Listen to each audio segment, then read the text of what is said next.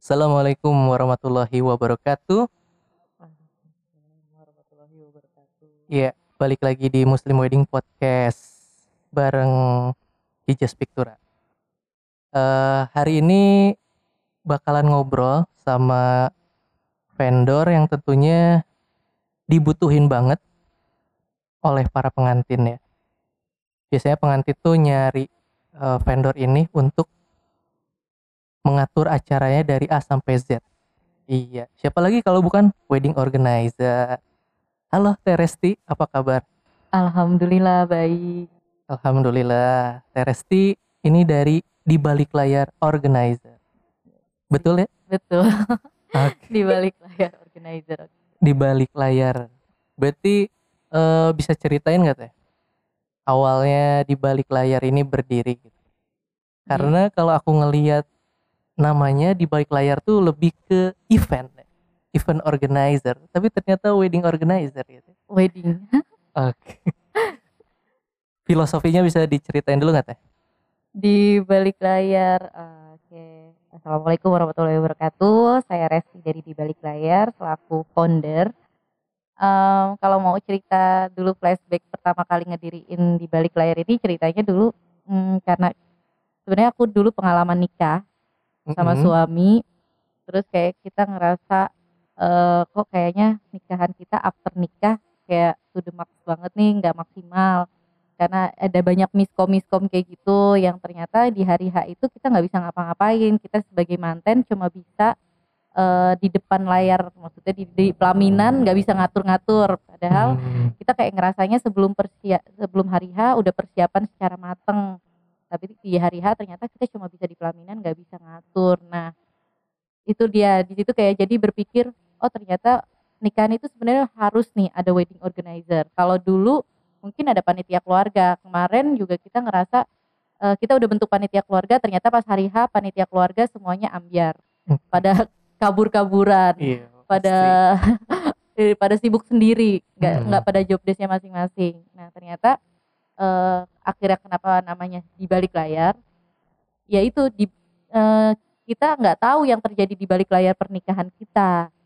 Eh, makanya butuh si wedding organizer untuk mengatur semua untuk mengatur acara untuk mengatur apa yang kita persiapin sampai pelaksanaan hari H nggak nggak banyak miskom kayak gitu. Makanya nama kita jadi di balik layar organizer. Oke, jadi eh, buat usaha WO ini berawal dari apa namanya pengalaman pribadi ya. pengalaman pribadi Oke. dulu gitu karena memang sebelumnya kan eh, sebenarnya aku sempat ikut eh, beberapa event WO juga nge, nge- apa namanya jadi kru untuk wedding hari H makanya pas Hmm, lagi oke. hari H ngerasa persiapan nikah sendiri karena ngerasa ah dulunya udah pernah ng- ngikut nih di wedding Oke. orang kayaknya nggak perlu deh tinggal arrange aja eh, tim panitia dan aku ngurusin sendiri ternyata nggak bisa juga ternyata eh, memang yang harus bekerja di hari A itu ya harus tim-tim secara profesional yang memang sudah eh, tahu nih apa alur pernikahan tuh kayak gimana bukan cuma asal comot kayak panitia keluarga yang toto hari H ngilang Hmm, yang benar, tahu benar, hari. H sibuk sendiri Iya, iya, iya. gitu sih.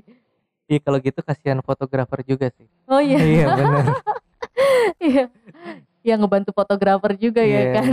Apalagi kalau foto bersama kan ngantri tuh. Hmm, iya. Kalau nggak ada WO ya kita keteteran juga sih teh benar. Iya, nggak ada stopper Iya ya kan. betul. Ada lagi pas nikah tuh kita ngatur kayak gitu tahu nih ada posisi keluarga dijadiin stopper. Tapi pas hari Mm-mm. H, toto ngilang aja Makan makan.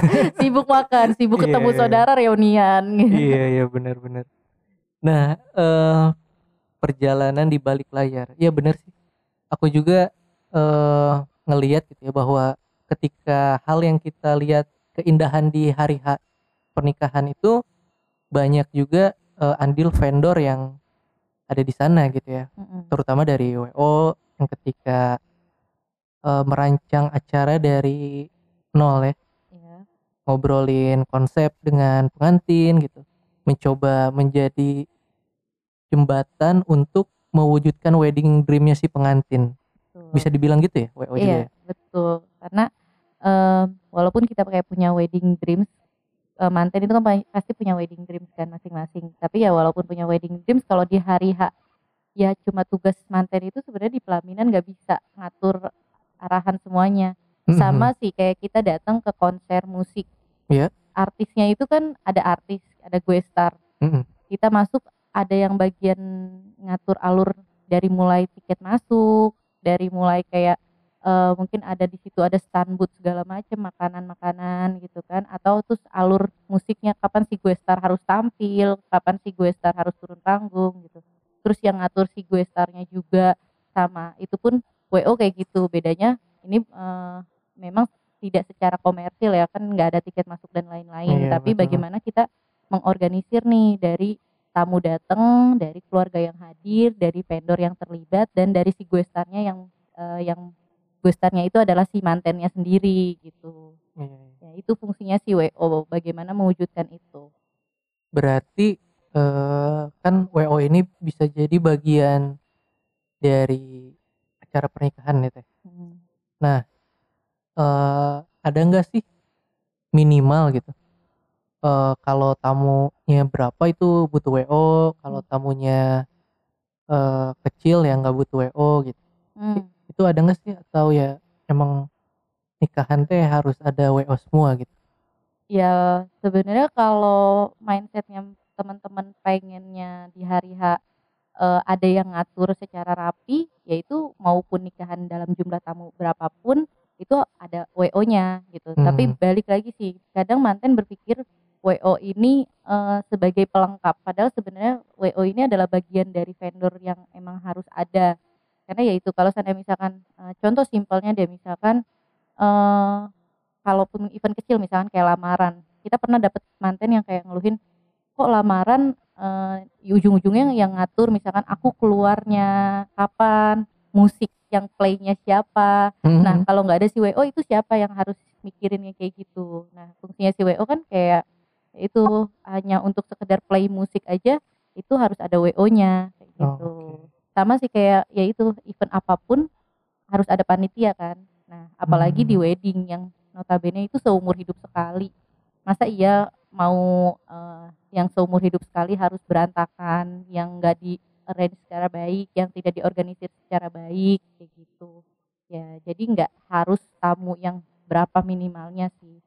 Ya event balik lagi setiap event aja panitia kecil yang di kayak 17-an aja tuh harus ada panitia kan 17 Hmm, Agustus bener, bener, gitu bener. apalagi yang wedding yang seumur hidup sekali yang mengundang orang yang pasti orang datang ada aja komentarnya gitu ada aja misalkan ya itu kita meminimalisir itu fungsi si WO-nya Oke, bentar ya. Jadi eh, ketika udah mempersiapkan acara pernikahan itu apa ya hektik ya, terus mungkin ya eh, pikiran ke mana-mana buat pengantin ya. Jadi ya WO ini penting juga untuk ya memperlancar itu. Jadi ya udah si pengantin tuh nggak usah mikirin apa-apa lagi ketika hari H gitu ya. betul pengantin cukup di pelaminan senyum Ya itu ya kan berfoto udah Ah. ya biarkan di balik layar kita yang ngurus gitu. Iya bener kan nggak tahu nih panten kan harus kayak apa ya eh, catering habis kah atau catering masih banyak kah atau eh, souvenir harus dibagikan secara kayak gimana tamu undangan harus di servisnya kayak gimana manten kan cuma di pelaminan aja Iya bener. nah itulah fungsi si WO ini Iya, jadi WO juga eh, menjadi apa ya bagian dari tuan rumah bisa dibilang ya.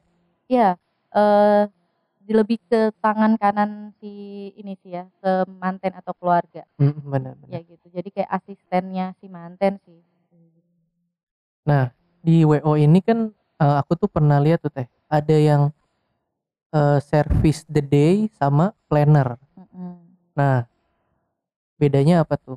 Kan kalau tadi pengen si pengantin nih pengen mewujudkan wedding dreamnya. Dia tuh harus ngambil paket yang planner atau the day. Oke, kalau di kita wedding planner itu eh, teman-teman yang masih nol persiapan, 0% itu biasanya ngambil kita arahin ke wedding planner. Karena dari wedding planner kita bisa eh, ini nih kayak ngasih opsi-opsi untuk opsional kayak konsepnya mau seperti apa, terus dari budgetingnya, terus dari persiapan tuh timelinenya berapa lama, harus apa-apa, lebih kayak eh, balik ke personal asistensi manten sih sebelum persiapan Hmm, hari oke, H sampai di hari H pun kita harus turun. Jadi eh, nah sedangkan kalau si wedding on the day karena biasanya manten eh, manten pengennya ya udah pengen ma- manten banyak yang aktif juga nih ngurusin ngambil vendor satu-satu Oh, gitu oke. kayak pengen oh ya udah aku bisa nih eh, sendiri ngorganisir eh, untuk jadi planner sendiri ngambil vendor semuanya masing-masing tapi pas dari hari H yang tadi aku bilang di hari H kan manten cuma di pelaminan. Jadi eh, siapa nih yang bisa ngejalanin apa yang aku inginin? Siapa nih yang bisa ngejalanin aku eh, yang sudah aku persiapin? Kayak gitu. Nah si WO inilah yang difungsikan sebagai organisir di hari H. Itu Oke. Jadi ya memang eh, menjadi wedding organizer juga menjadi personal assistant ya. Iya, balik lagi ke kebutuhan manten, impiannya manten sih, kayak gitu. Terus eh ini nih kemarin tuh kan pernah bareng kita ya. Terus eh sampai ya kan waktu udah beres tuh ya. Mm, Kita ada tambahan foto lagi di luar venue gitu ya. mm. Padahal kan jam kerjanya udah beres nih. Tapi kenapa masih ngikutin gitu? Sampai di servis segitu baiknya gitu kepada pengantin terutama pada bride-nya ya kemarin tuh ya. Iya. Eh, karena kita punya prinsip kalau untuk balik layar kayak eh, manten itu raja dan ratu sehari. Jadi Ah. benar-benar menjadikan si manten raja dan ratu sehari. Eh, ada nanti kita itu job desk-nya yang bagian personal asistennya si manten. Jadi ke mana pun manten bem- saya pergi pas sa- saat pelaksanaan hari H dia ngikutin.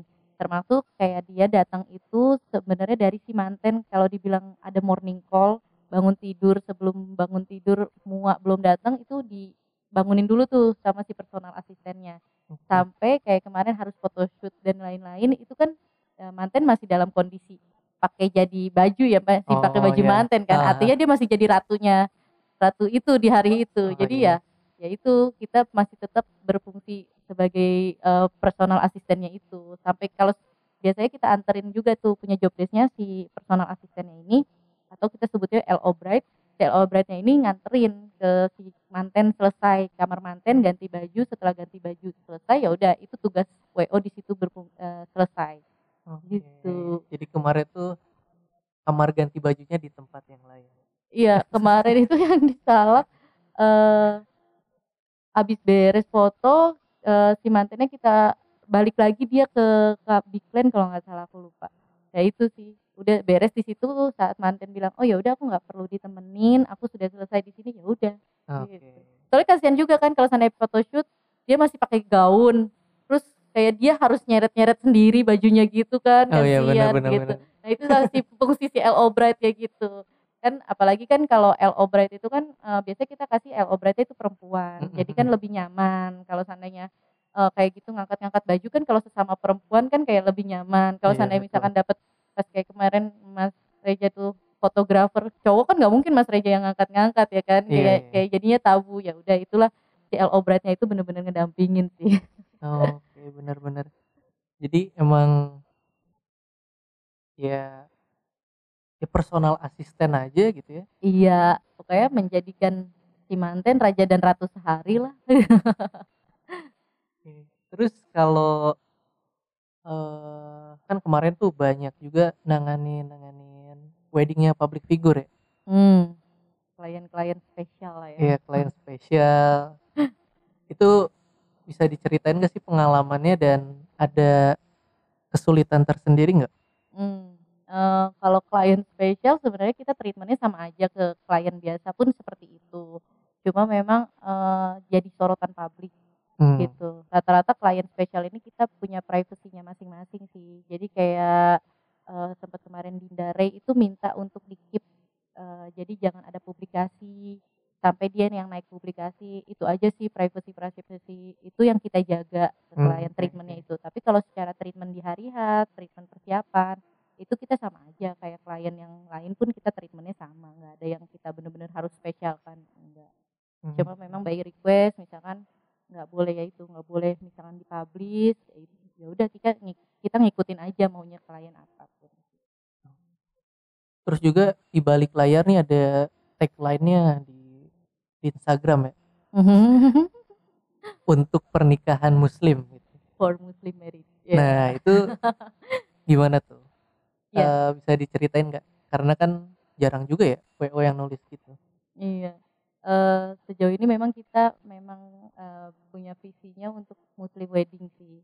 Terus eh, ada satu momen yang memang eh, aku sempat cerita juga ke Mas Reja, satu momen yang memang kita akhirnya ya udah deh kita Muslim aja karena gini ya mengantarkan pernikahan itu eh, bukan bukan ak- oke ini bukan kayak aku idealis atau segala macam tapi memang pertama aku Muslim dan eh, pertama aku berhijab juga. Kalau Hmm. seandainya aku mengantarkan manten misalkan di tempat ibadah lain, kayaknya ada rasa wah kayaknya gimana gitu seorang muslimah eh, berhijab harus nganterin ke tempat ibadah lain gitu. Terus balik lagi ke kayak apa ya menikah itu adalah kalau di agama Islam pelengkap agama ibadah jangka panjang. Nah, kita pengen eh, mengantarkan WO itu secara nggak langsung mengantarkan orang untuk beribadah jangka panjang. Nah, kita nggak pengen nih di awal aja kita mengantarkannya salah, itu Hmm, mengantarkannya salah. Jadi ya kita pengennya mengantarkan ya ya sesuai dengan apa yang kita tahu. Eh, So aku Muslim, jadi aku tahu nih Muslim itu harus seperti apa, masalah kayak wali nikah atau masalah soal ijab, yang nggak bisa kita sembarangan. Sedangkan kalau misalkan menikahkan untuk agama lain, aku bukan agama itu, gitu. Bukannya aku idealis, tapi kalau seandainya aku nggak tahu, takutnya malahan si manten eh, menuju ibadah jangka panjangnya malah salah gitu sebagai wedding Hmm, organizer yang nggak melulu masalah mengambil keuntungan secara ini finansial. finansial aja Oke. tapi memang ada rasa tanggung jawab moral yang memang kita sebagai vendor itu ada tanggung jawab moral yang untuk ngurusin pernikahan gitu. Pernikahan itu kan menuju jangka panjang ibadah. Nah itu tanggung jawab moralnya. Sampai ada satu momen yang memang kita final di wedding muslim itu gara-gara kita punya manten klien yang harus dipercepat nikahannya dan itu kita eh, mantennya ini wali nikahnya dalam kondisi yang koma. Hmm, dalam kondisi koma terus kita nikahin eh, dipercepat itu di rumah sakit. Awalnya manten pengennya nikah siri tapi ternyata setelah kita konsul ke penghulu ke oke. ke apa namanya yang lebih mengerti tentang agama itu untuk nikah siri aja banyak aturannya nggak bisa sembarangan gitu Hmm, akhirnya si penghulu lah yang nikahin terus ada wali hakimnya dan itu masalah nikah masalah perwalian aja tuh nggak bisa sembarangan di situ kita sadar oh oke ilmu aku sebagai muslim aja belum tentu eh, bisa nih bener salahnya aku belum tahu gitu. Apalagi aku kalau menikahkan eh, yang beda agama yang aku emang bener-bener kayak buta masalah agama orang lain gitu jadi lebih ke for muslim marriage tuh bukan sekedar eh, bukan sekedar tagline. tagline sih gitu ya coba coba memang rasa tanggung jawab moralnya aja sih Oke, berarti ketika pengalaman waktu itu yang Mhm. menikahkan eh, orang tuanya koma Mm-mm. itu eh, Teteh sebagai WO itu konsultasi dulu berarti. iya Jadi nggak- untuk keputusan acara mau gimana nih Mm-mm. eh, Teteh juga ikut mempersiapkan gitu. ya? iya kita kalau yang udah kayak gitu case-nya selalu konsultasiin ke KUA nah kebet Hmm. ya eh, kebetulan tuh kan kita ada kayak penghulu deket sama apa namanya KUA penghulu nah penghulu itu kan udah disumpah ya kalau secara agama dan Oh, lain-lain oke. gitu ya jadi kalau kita nanya ke beliau pun pasti eh, ada jawaban yang tahu secara hukum agama. Makanya kita nggak berani kayak gitu langsung kita konsultasiin. Akhirnya kita eh, diskusiin sama keluarga ini loh yang hasil dari diskusi dengan penghulu baiknya seperti ini seperti ini. Ya udah jadi baru kita bisa jalanin. Nah, wah merinding sih mas kalau inget momen itu. Karena bener-bener Hmm. kayak di rumah sakit kayak di FTV jadinya. Di rumah sakit kondisinya. Ya bapaknya dalam kondisi koma dihadirin hanya keluarga. Ya udah. Jadi kayak ya Allah kok segininya gitu sampai kalau inget momen itu sih merinding dan di situ kayak sadar oh iya nggak bisa sembarangan ya ngejalanin Hmm. bisnis ini oke ini hitungannya bisnis tapi ada ada moralnya yang harus kita jaga Oke, oke, benar-benar. Itu lebih kalau bahasa bisnisnya product knowledge ya. produk pengetahuan ya tentang masalah agama ya Iya, iya.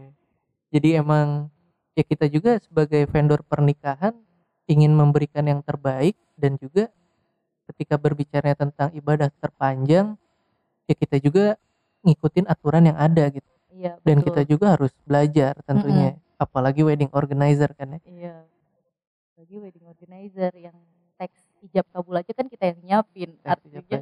salah aja tuh bisa wah iya ya kan. Oke oke, menarik banget kalau di dunia pernikahan. Kemudian juga soal ini teh, kalau WO itu eh tentang manajemen waktu. Mhm. Pasti kan apalagi kalau sama fotografer nih suka ada bentrok tentang manajemen waktu. Di satu sisi eh WO harus bisa memanage waktu dengan baik agar beres tepat. Di satu sisi eh, ada misalkan di mana momen fotografer itu harus dapetin momen, tapi Mhm. waktunya udah ngaret gitu ya.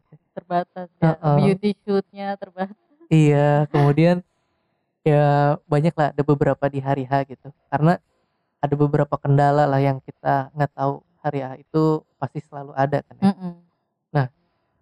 Kalau dari Teteh sendiri treatmentnya gimana sih supaya eh, bisa win-win solution gitu. Kalau Hmm. dari hari H tuh untuk eh, terutama tim dokumentasi ya. Di satu sisi ada waktu yang harus dijaga, di satu sisi ada momen yang belum dapat nih. Hmm. Biasanya menanganinya seperti apa? tuh? Eh, kuncinya komunikasi dengan baik sih. Ya Hmm. sebagai WO harus bisa komunikasi dengan baik, entah ke keluarga, entah ke tamu atau ke vendor yang terlibat. Gitu. Karena kan kesuksesan acara bukan hanya dari WO. Kesuksesan acara semua yang terlibat di hari H dari dari keluarganya, dari vendornya gitu. Komunikasi. Kalau kalau udah eh, dikomunikasikan dengan baik, pasti si vendor vendor pun akan ngerti. Kayak misalkan kayak kita seling fotografer kelas sama WO masalah beauty shoot ak- di akad gitu kan Iya, Biasanya atau enggak make up. make up gitu. ya tinggal dikomunikasikan dikomunikasin aja kalau misalkan Kang ini randonnya misalkan ngaret nih tolong beauty shootnya dipercepat 5 menit aja kalau dari awal udah dikomunikasin fotografer pun akan ngerti oh iya Iya, iya, gitu kan. 5 menit cukup gitu akan ngerasa cukup. Tapi kalau seandainya misalkan sesuai eh, misalkan sesuai eh, plannya misalkan 15 menit ya kalau 15 menit eh, panjang kayak gitu waktunya nggak perlu dikat kita juga kan mau ngomong apa gitu kan. Terus kayak ke si muanya juga harus dikomunikasiin ini randonnya ngaret eh, jadi masuk pop beauty shootnya ngaret nih boleh nggak berapa menit paling muanya akan bilang oh ya udah masuk di jam sekian nih harus masuk semua pun akan ngerti kayak gitu nggak nggak harus diteriak-teriakin karena eh, percayalah kalau vendor yang terlibat di hari H itu akan bekerja secara profesional jadi gimana pun kita kita komunikasi dengan baik secara profesional pun mereka akan baik ke kita dan semuanya insya Allah berjalan lancar sih. Berarti dikomunikasikan di awal ya. Iya. Benar. Jangan sampai kayak udah ntar takutnya saya kayak apa ya? Jadi salah-salahan ya. Mm-mm. Orang randonnya yang ngaret kok gitu, WO-nya yang ngaret, kenapa eh, fotografer yang harus ngekat beauty shoot gitu Iya, kan? iya. Jadi kalau kayak gitu kan gak enak ya, ada keluar bahasa kayak gitu. Makanya saat kita tahu nih, kan dari awal tuh kalau WO udah tahu nih, kayak misalkan di random serah terima mulai di misal di 15.30, tapi tahu-tahu 15.40 baru mulai. Itu kan udah ada 10 menit yang Iya. waktu yang kebuang kan. Nah, gimana caranya tuh eh, random yang di dalam misalkan bagian dari akad ya harus ada yang kita cut. Kalau ternyata masih tetap tetap nantinya jadi ngaret itu molor waktunya ya sebelum beauty shoot mulai udah komunikasiin lah sama si fotografer Iya, gitu. Iya itu sih. Tapi memang eh, sejauh ini kalau dari berarti menjadi WO juga punya harus punya skill itu ya. iya skill komunikasi yang baik ya Sama itu tadi apa? Apa namanya? Decision making yang cepet ya. iya betul karena ya semua pelaksananya kan di WO ya Hmm. gitu di hari H maksudnya eh, yang punya power untuk running acara ya di WO kalau WO nya nggak bisa nentuin eh, putusan cepet ya berantakan nanti acaranya Nah, itu yang dipentingin juga sih. Terutama eh kalau dari segi fotografer sendiri, si WO itu sangat membantu banget ketika timekeeper pertama Hmm. dan eh, untuk foto grup. Iya, Nah, itu sih sebenarnya. ya benar. Eh, karena pasti kalau foto grup rada-rada susah ya gitu Iya. ngatur tamu ya itulah ya semuanya balik saling ngebantu lah Saling ngebantu. ngebantu di hari H nggak ada yang saling unggul Mm-mm. karena pelaksanaan acara di hari H itu kesuksesannya dari semua vendor yang terlibat gitu. Iya. tidak ada yang unggul vendor si A vendor B enggak saling kerjasama lah gitu kita bawa eh, bekerja saat hari itu bekerja atas nama mempelai Hmm, atas oke. nama manten jadi eh, bukannya atas nama di balik layar kita atau bukan atas nama hijaz tapi atas nama si mempelainya Hmm, Benar-benar ya. Jadi ya balik lagi tadi ya kita sebagai vendor adalah eh ada untuk mewujudkan wedding dream si pengantin. ya betul jangan sampai kita udah dipercaya sama si manten atau hari H sikut-sikutan di hari H Iya kan kasihan juga mantennya ya Iya. gitu Biasanya ya kalau ada sikut-sikutan ya WO penengah itu. ya. atau WO yang biasanya jadi tumbalnya malahan Ya biasanya kalau make up sama fotografer gitu kan ya Iya. kadang-kadang WO jadi penengah. gitu iya ya. itulah fungsinya harus bisa eh, berkesan baik kalau Iya, WO tuh ke semua banget. pihak Terus kalau eh dari selama nge-WO ada pengalaman unik nggak teh? Selain yang tadi ya, selain yang nikahin di eh, Rumah rumah sakit. sakit. itu ya. pengalaman uniknya unik selama pandemi sih ini uniknya Oh pandemi gimana tuh? ya uniknya eh ya tahu-tahu postpone tahu-tahu hamin seminggu harus pindah venue Hamin seminggu. Iya ada yang hamin seminggu harus pindah venue gara-gara PSBB tahu-tahu harus PSBB lagi nggak boleh terus seminggu kita nyari-nyari venue kayak gitu Oke. ya ini sih selama pandemi luar biasa sih pengalamannya yang yang tadinya kita normal menjadi new normal dengan aturan-aturan yang luar biasa kayak gitu kayak adaptasi itu sih Yang paling unik selama pandemi berarti apa? Eh, Nikahannya.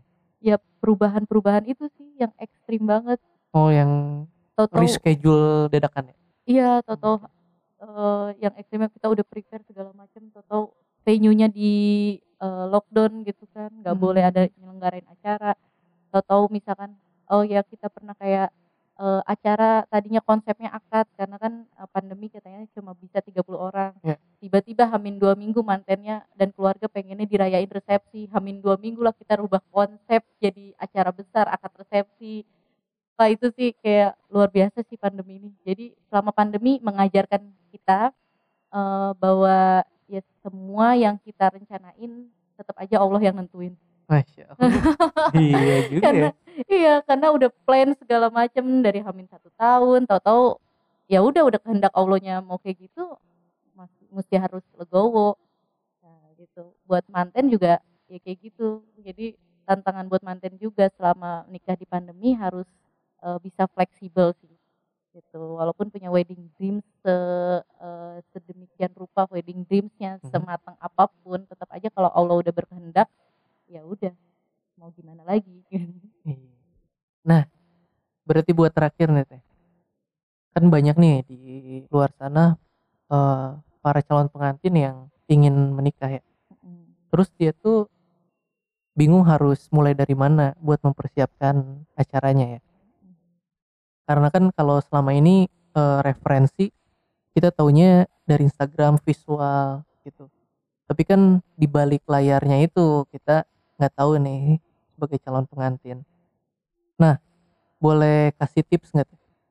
Tips yang ringan tapi sangat eh kepake untuk para pengantin untuk menuju hari pernikahan mereka. Hmm, kalau persiapan itu manten harus berani juga sih untuk cross check vendor A B C walaupun misalkan di visual eh, digital marketingnya bagus Mm-mm. atau referensi dari teman-temannya tapi nggak ada salahnya kok kalau kita eh, membandingkan vendor lain. So, kayak ke WO pun oke ngebandingin gitu. Performa di hari hanya seperti apa. Kalau misalkan dapat izin dari si vendornya misalkan kayak catering datang nih pas hari H eh, pas saat si cateringnya perform ya udah coba diusahain untuk datang. Biar tahu nih cateringnya eh, bukan cuma rasanya doang nih yang dinilai tapi misalkan dari performnya si catering gitu. Atau foto foto juga dari visualnya oke kan mantan lebih milih visual tone foto dari eh, portofolionya tapi kalau seandainya misalkan datang terus hasil outputnya seperti apa manten truck gitu karena eh, nikah itu kan eh, apa ya aku bilangnya selalu eh, berjodoh jodoh atau enggak ke Hmm, WO pun kayak gitu jadi oke. kalau bisa memang harus enaknya sih lebih baik komunikasiin dulu. Jadi sebelum memutuskan untuk DP si vendor, ngobrol nih sama si vendornya. Ada chemistry nggak? Gitu. Karena dari chemistry, biasanya kalau sudah enak chemistry di awal, ke sananya pun akan enak. Tapi kalau seandainya misalkan dari awal komunikasinya udah nggak enak, itu akan nantinya ya perlu dipertimbangin. Karena mewujudkan yang tadi aku bilang, mewujudkan pernikahan itu bukan cuma si mantennya doang tapi seluruh vendor yang terlibat gitu. Harus berani ya balik lagi kayak ya itu kayak eh, memilih vendor pun sama aja kayak memilih jodoh. Oh gitu ya. iya. Iya. jadi ngobrol nih oh aku enak nih eh, sama Kang Reja nih dari Hijaz. Ya udah aku serak kalau ya syarat apalagi saran ke manten coba dari chemistry itu jangan terlalu memfokuskan untuk masalah. Kadang ke manten suka mikirnya kan dari budget dulu ya? Iya budget dulu. budget. Ya kalau sana misalkan dia budgetnya eh misalkan budgetnya istilahnya dia lebih ba- bayar lebih deh mendingan dia bayar lebih tapi dapat chemistry tapi nantinya profesional ketimbang eh, under budget gitu Oke. misalkan tapi nggak maksimal.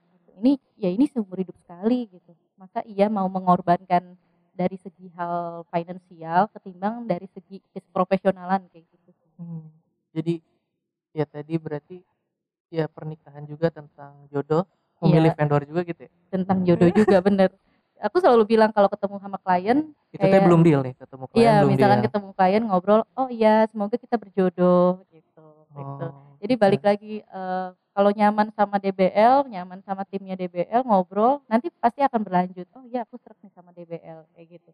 Tapi kalau Oke. sana yang emang gak jodoh ya udah nggak jodoh. Kalau emang gak serak berarti ya emang bukan jodoh kita.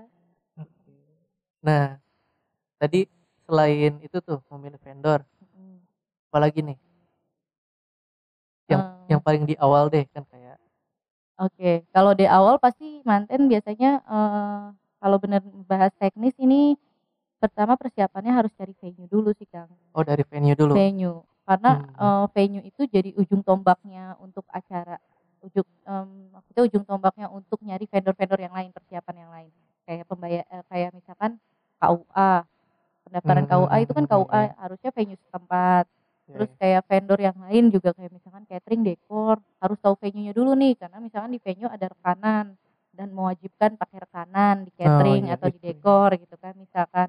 Nah kalau nggak ada venue misalkan eh, tau-tau dia ngedeal nih paket ngedeal paket yang udah all in tapi venue-nya nggak ada tiba-tiba misalkan di venue-nya mewajibkan untuk catering dan dekorasi yang wajib rekanan. Kan repot Iya. jadi jadi kayak kerja dua kali. Jadi baiknya memang eh, ke venue dulu gitu. Aku selalu bilang sih ke manten yang misalkan datang ke DBL misalkan eh, masih nol persiapan terus selalu saranin venue-nya di mana nanyain venue di mana. Kalau memang nol persiapan biasanya kita bantu untuk cariin venue. Venue yang sesuai dengan kriteria manten terus yang available yang sesuai on budget juga gitu. Kalau seandainya udah dapat venue-nya baru gampang enak sih Hmm, oke, benar-benar. Jadi ya tadi pertama venue, ya dan kedua juga bisa konsultasi sama WO ya. iya ke wedding planner Oke, jadi WO ambilnya wedding planner. planner iya betul Siap, siap. Wah, luar biasa nih udah setengah jam. Ya sangat bermanfaat sih pasti kalau aku jadi calon pengantin. Amin. Calon pengantin, karena udah pengantin ya. Udah soalnya. Ya mudah-mudahan teman-teman yang ngedengerin ini bisa dapat insight ya. Amin ya rabbal alamin. Amin. Dan yang sedang mempersiapkan pernikahan juga bisa lebih apa ya, lebih lancar mempersiapkannya. Amin. Karena dari obrolan kita tadi, mudah-mudahan bisa ya minimal nggak bingung deh Iya betul. untuk menentukan prioritas dari pernikahan. Iya betul. Siap. Oke Teresti, terima kasih sudah hadir di podcast Muslim Wedding. Iya. Keren banget Hija. Keren juga DBL, luar biasa. Mudah-mudahan bisa eh, bareng lagi kita. Wih, Amin. Amin. Tahun ini ya. Target 50 event bareng. Amin. Bismillah. Bismillah. Oke, teman-teman, eh, mungkin itu aja yang bisa kita sampaikan. Semoga bermanfaat. Amin. Amin. Assalamualaikum warahmatullahi wabarakatuh. Waalaikumsalam warahmatullahi wabarakatuh.